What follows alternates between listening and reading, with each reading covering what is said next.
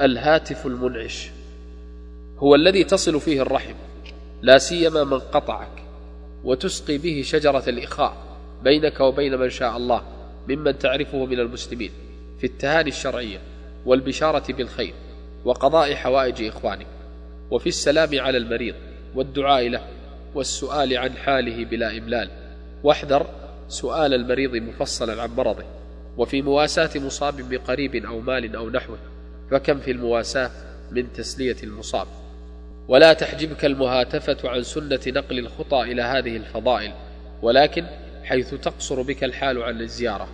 وإذا كانت زيارة المريض والمصاب خفيفة مقدرة بجلسة الخطيب بين الخطبتين فلتكن المكالمة الهاتفية كذلك. هذا هو الأصل. ومن يأنس بك فله حال لا تخفى.